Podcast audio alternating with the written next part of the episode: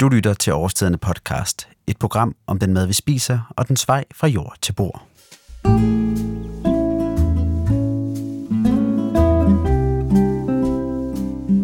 Nogle kalder sig vegetar, andre flexitar, mens en helt tredje gruppe definerer sig selv som pesketar.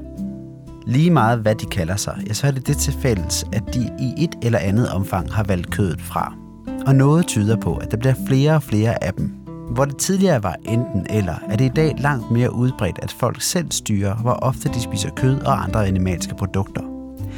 I denne her podcast, der vil jeg finde ud af, hvad det er, der motiverer folk, som vælger kødet fra, og om det overhovedet giver mening at begrænse sit kødforbrug, og ikke mindst, hvad vi skal leve af, hvis ikke det skal være kødet. Til sidst, der prøver jeg så at besvare spørgsmålet om, hvorvidt vi skal vælge kødet fra. Vi begynder udsendelsen med at finde ud af, hvad det er, der motiverer dem, som i dag vælger kødet fra. Derfor der spurgte jeg Gitte Mikkelsen, der er etnolog og seniorkonsulent hos konsulenthuset Antropologerne, for at kaste lys over netop det spørgsmål. Jeg tror rigtig mange af dem, vi ser nu her, der vælger det fra, det er meget det bæredygtige. Det er, at vi kigger på en jordklode, vi rigtig gerne vil have tilgængelig for os i mange år. Vi er blevet bevidste om, at vi måske lidt har været nogle miljøsvin. Vi har forbrugt mere, end vi har givet. Og vi har fået skabt en rigtig usund holdning til, til vores fødevarer og til den måde, hvor vi, vi skaber fødevarer på. Vi er blevet klogere også. Vi ved lige pludselig nu, hvor meget det koster i... Øh, i ressourcer, øh, rent praktisk, når du skal fragte ting, eller hvis du skal jamen, når man gør op, hvor, meget, hvor mange liter vand bruger du i forhold til at lave noget kød, og på baggrund af det er der nogen, der helt konkret begynder at vælge ting fra, de ellers har haft et, et andet forhold til før. Helt konkret er problemet med kødproduktionen, at den gård, der f.eks. holder kødkvæg eller grise, belaster miljøet og klimaet langt mere end en gård, der dyrker kål. En af de ressourcer, som de kødproducerende gårde i særlig grad lægger beslag på, er det landareal, som er egnet til landbrug.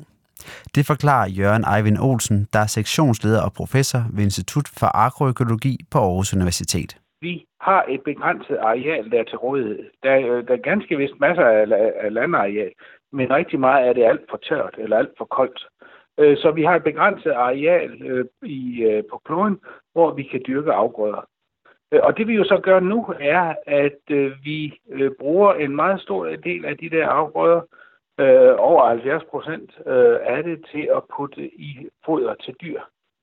Øh, og det er jo endda af de øh, kornafgrøder og så videre, som vi direkte selv kunne spise. Derudover kommer jo alle græsningsarealerne, som jo e- egentlig kun er egnet til, øh, til husdyrene. Øh, vi, vi, vi skal huske på, hvis vi nu tager en dansk sammenhæng, ikke? Øh, for nu at producere et kilo hvede, øh, det kræver cirka halvanden kvadratmeter øh, jord at gøre det hvis vi skal producere 1 kilo oksekød, så er det 24 øh, kvadratmeter, øh, vi skal op i. Altså en faktor 15 mere, øh, end det, det kræver bare at producere korn. Så, så det, og det at lave øh, kød kræver et langt større areal. Og det er i virkeligheden i sidste ende det, der er problemet. At produktionen af kød har en negativ påvirkning på vores klima, er efterhånden nået ud til mange forbrugere. Og det er den viden, der ifølge Gitte Mikkelsen fra konsulenthuset Antropologerne er en af forklaringerne på, at flere føler sig motiveret til at vælge kødet fra. Og at kødets klimabelastning kan få nogen til at spise mindre kød, er Simone Jørgensen, der bor i København, et glimrende eksempel på. Det, der motiverer mig øh, for at vælge kød fra, er øh, en god blanding af nogle forskellige elementer. Jeg tror først og fremmest handler det om, at jeg ved, at det er vigtigt for mig at få spist en masse grønt. Og jeg synes, at kødet nogle gange kan optage pladsen for det grønne på tallerkenen. Øhm, derudover så synes jeg også, at øh, det betyder rigtig meget øh, for klimaet, hvor meget kød vi spiser, og det er nok især oksekød. Øhm, så det køber jeg enormt sjældent. Ikke fordi jeg ikke kan lide det, øhm, men simpelthen på grund af miljøet. Så jeg vil gerne prøve, om jeg kan tage en lille tørn i det store regnskab ved at, at spise jo lidt mere miljøvenligt. Som man kan høre i klippet med Simone, er klimaet ikke den eneste grund til, at hun spiser mindre kød end gennemsnittet af befolkningen. Også ønsket om at leve et sundere liv er medvirkende til, at hun delvist har valgt kødet fra. Og netop ønsket om at leve sundt er ifølge Gitte Mikkelsen fra antropologerne en af de vigtigste forklaringer på, hvorfor nogen vælger kødet fra. Det er jo sjovt, som sådan en madpyramide nogle gange fuldstændig kan vendes på hovedet. Det vi troede var rigtigt i 80'erne, hvor vi alle sammen levede af kartofler og havregryn, har vi nu fundet ud af, at det der slår os ihjel. Så det er det, der motiverer os, at nu skal vi i en øh, paleotid kun leve af kød. det, der så sker, øh, det er, at vi finder ud af, at gud, nu spiser vi alt for meget kød, og det, øh, det sætter store blodige fodtryk ud over hele verden. Nu begynder vi så at kigge på alternativer. Men jeg tror klart, at der kan nogle gange være rigtig mange ting, som, som farver den her holdning til, hvorfor lever jeg, som jeg gør. Øh, og det kan netop være sin sundhed for mig. Det er jo både øh, fysisk, at jeg skal have det godt, jeg skal se godt ud, jeg skal leve i lang tid, men det kan også være bevæggrunden i retning af øh, socialt, øh, kulturelt, øh, hvad, hvad bør jeg gøre, og det kan være med blik for, øh, nu er jeg gravid, øh, hvad er det så, der er det rigtige at gøre. Der er rigtig mange ting der, øh, så, øh, så jeg synes, det her sundhedsbillede, det er jo i hvert fald noget, hvor man også kan se på, hvad er sundhed på forskellige måder. Er det bodybuilder-idealet, hvor du bare skal være stor og have muskler, med, eller er det at du har øh, spiser økologi, fordi du har et blik for, at, øh, at du godt vil skille dig af med alt, hvad der hedder dårlige pesticider og ting, der kan være i kød, der ikke har haft så gode forhold. En anden, der også har skåret ned for indtaget af kød for at leve lidt sundere, er Naja fra Viborg. Derfor har Naja og hendes familie besluttet sig for at have en kødfri januar. Jamen altså vores øh, motivation i forhold til at vælge kød fra i januar måned, det er altså både noget med sundhed at gøre, altså få noget mere grønt, nogle flere grøntsager på bordet, skrue lidt ned for alle kødproteinerne. Øhm, og øh, altså det med de, de grønne, grove grøntsager, det må vi nok ikke være sådan helt vildt gode til. Jeg har gerne ville det, men det har været svært at få resten af familien til at spise det. Og så var det, jeg kom med det forslag, at vi skulle prøve at tage sådan en helt vegetar måned. Og det vækker ikke ligefrem jubel begejstring i starten. Men til, til min store overraskelse, var det nok min kæreste, der sådan, var mest begejstret for det. Øh, og han er altså den største sådan, kødspiser. Madtendenserne skifter konstant. Tænk bare på, hvordan alle for få år siden skulle leve som stenaldermennesket. Derfor kan jeg ikke lade være med at tænke på, om det, at flere er begyndt at spise mindre kød, bare er en forbigående tendens, som vi om få år vil se tilbage på og grine af. Derfor spurgte jeg Gitte, om hun kan berolige mig om, at tendensen til, at folk spiser mindre kød, ikke bare er en moddille. Altså noget af det, jeg efterhånden har lært i forhold til at tale tendenser, det er, at der er aldrig noget, der er garanteret, fordi i morgen, der ved vi noget, vi ikke vidste i dag. Så derfor kan vi måske allerede, nok ikke i morgen, men det kan være, at vi et halvt år sidder og tænker, gud, hvor er det fjollet, man havde det på den måde. Så nej, jeg kan ikke komme med nogen garantier. Og når vi kigger på kød, så er det for meget af det områdes vedkommende jo et spørgsmål om at simpelthen kigge på, øh, på vores verden og kigge på bæredygtighed. Og det er jo ikke noget, der lige ændrer sig. Altså man kan sige, øh, selvom vi alle sammen holdt op med at spise kød fra i dag, så vil vi jo stadigvæk kunne se, at der, der er nogle ting, som, som vores klode simpelthen ikke kan holde til mere, at vi gør. Og jeg tror, at nogle af de ting er folk bevidste om.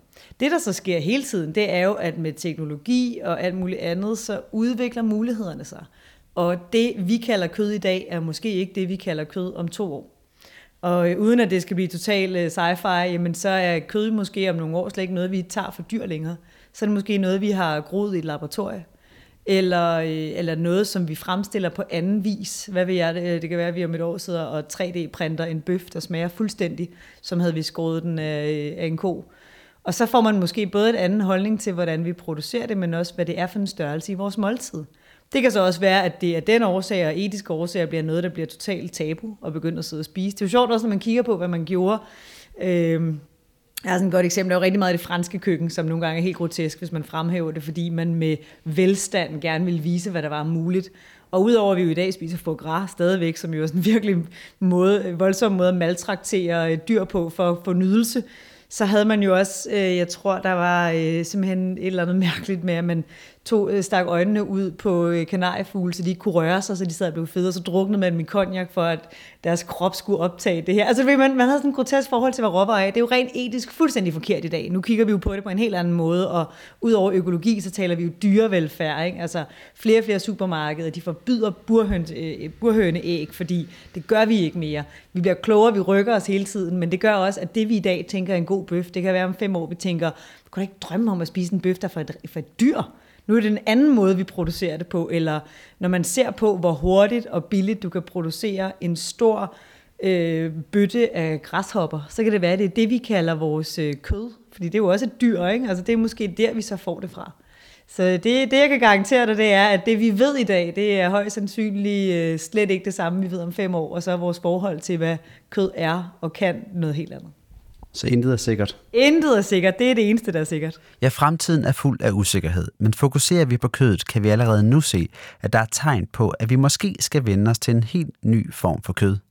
For eksempel har forskere i snart et år 10 forsøgt at efterligne naturen ved at bruge stamcelleteknologi i forsøget på at lave et klimavenligt alternativ til kød. Et andet bud på fremtidens kød finder man i San Francisco i USA, hvor virksomheden Impossible Food ved hjælp af planter og avanceret teknologi har lavet et produkt, som de mener er så tæt på den ægte vare, at de kalder det kød, selvom det aldrig nogensinde har set skyggen af et animalsk produkt. Her forklarer Nick fra Impossible Food, hvorfor de tror, at deres kødalternativ i fremtiden vil erstatte det, vi i dag kender som kød. The vast majority of consumers don't want to just live off plants. They want more rich, um, tasty products, more diverse products, you know, meat products. And so for our our opinion is like we can actually give people what they want from a sensory profile and also give them the nutrition and the sustainability aspects that would make the food production much more efficient and sustainable. So at Impossible Foods, we looked at this and what is the best way to actually do that. So if we go to the primary source plants, we could make much better products and much more efficient and sustainable products that we can meet that world demand with a much smaller environmental footprint. So we went and looked in the plant-based world and what do actually what do we need to do to go and pick the pieces out that we can recreate that experience? We have to understand what actually makes meat what it is, why does it sizzle on the grill, all those aromas generate when you cook it, and then find the individual pieces in the plant-based world where we could replicate that experience.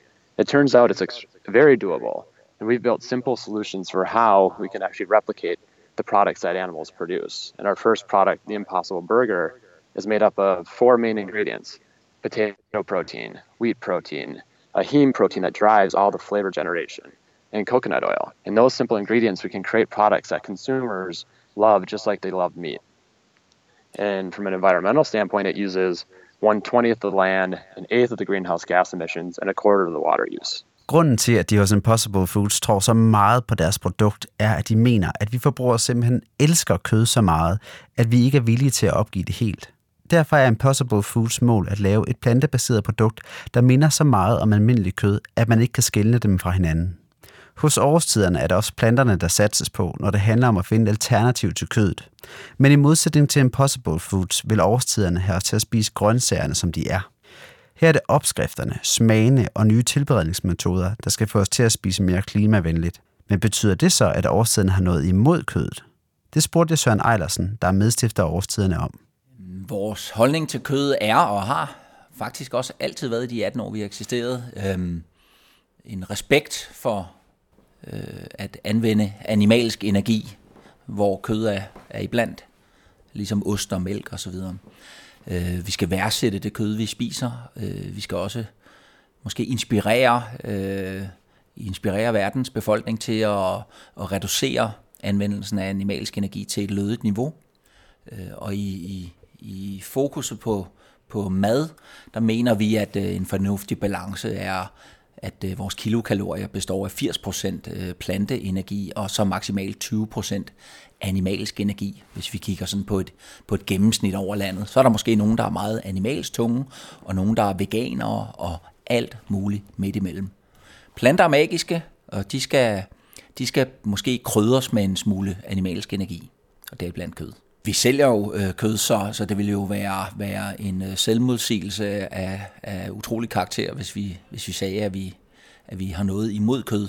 Men vi mener, at, øh, at, øh, at klimahensyn, af miljøhensyn, af smagsmæssige hensyn og også menneskets sundhedshensyn, der er det en rigtig fornuftig øh, øh, øh, sag at spise mindre kød. Og så måske bare spise noget kød, der er rigtig godt, hvis man vælger at, øh, at spise animalske produkter. Det er stadig kun et fortal, der primært spiser plantebaseret, og det vil sandsynligvis tage mange år, før det her billede ændrer sig. Det skyldes ikke mindst, at kødet er blevet en stor del af vores kultur. Tænk bare på den netop overståede jul. Derudover der skal man også have for øje, at produktionen og eksporten af animalske fødevarer faktisk er med til at skabe den velstand og det samfund, vi har i dag. Men på trods af det giver det ifølge Jørgen Eivind Olsen fra Aarhus Universitet god mening at vælge kødet fra, hvis man vil hjælpe vores klima og miljø. Han forklarer her, hvad det er, man skal vælge, hvis man vil spise grønnere. Jamen, det, det, det allerførste er jo øh, at skære ned på forbruget af oksekød. Øh, og, og, det, og det er vigtigt at skelne mellem de her forskellige kødprodukter, øh, fordi øh, at Øh, Øh, det er ikke ligegyldigt, hvilken type øh, kød vi nu har med at gøre her. Der er forskellige belastninger øh, knyttet til det. Øhm, og også kører det mest belastende svin, så kommer svinekød, og så kommer fjerkræ og så videre der, dernede af. Øhm, så det er egentlig øh, øh, behov for en udfasning af det kødforbrug, der har det allerstørste arealforbrug, og det, som jo så også har det største CO2-aftryk. Ellers skal vi jo ned i noget af det, øh, som er øh, rent øh, baseret. Øh, og, og så er vi jo nede i øh, det, der kommer fra korn, øh, altså ris og brød og, og, og, og den slags. Vi er i grøntsager, øh, vi er i bælfrugter, øh, og, øh, og det kan man jo sådan set i princippet godt øh, sammensætte en øh, diæt af, øh, hvis man nu er veganer. Øh, det, kræver, det kræver jo noget mere indsigt i, hvordan man så får opfyldt øh, alle behovene for mikronæringsstoffer og essentielle aminosyre, hvad ved jeg, øh, for at, øh, end, end det gør, når man øh, også er kødspiser. Tilbage står spørgsmålet, om vi skal vælge kødet fra. Svaret er både ja og nej. Ja, fordi vi i dag spiser alt for meget kød. Kød, der når det produceres, kræver enorme ressourcer, og som i sidste ende belaster vores miljø og klima dramatisk. Dog vil det nok være naivt at tro, at folk er villige til fuldstændig at vælge kødet fra.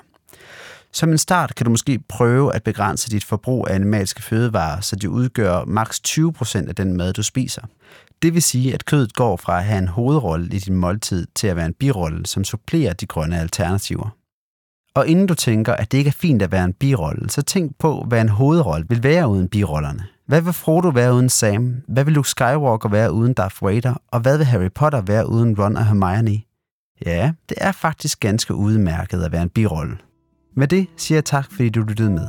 Hvis du kunne lide den her udsendelse, ja, så gå ind på iTunes og giv os en anmeldelse, eller anbefal den til dine kollegaer, venner eller familie.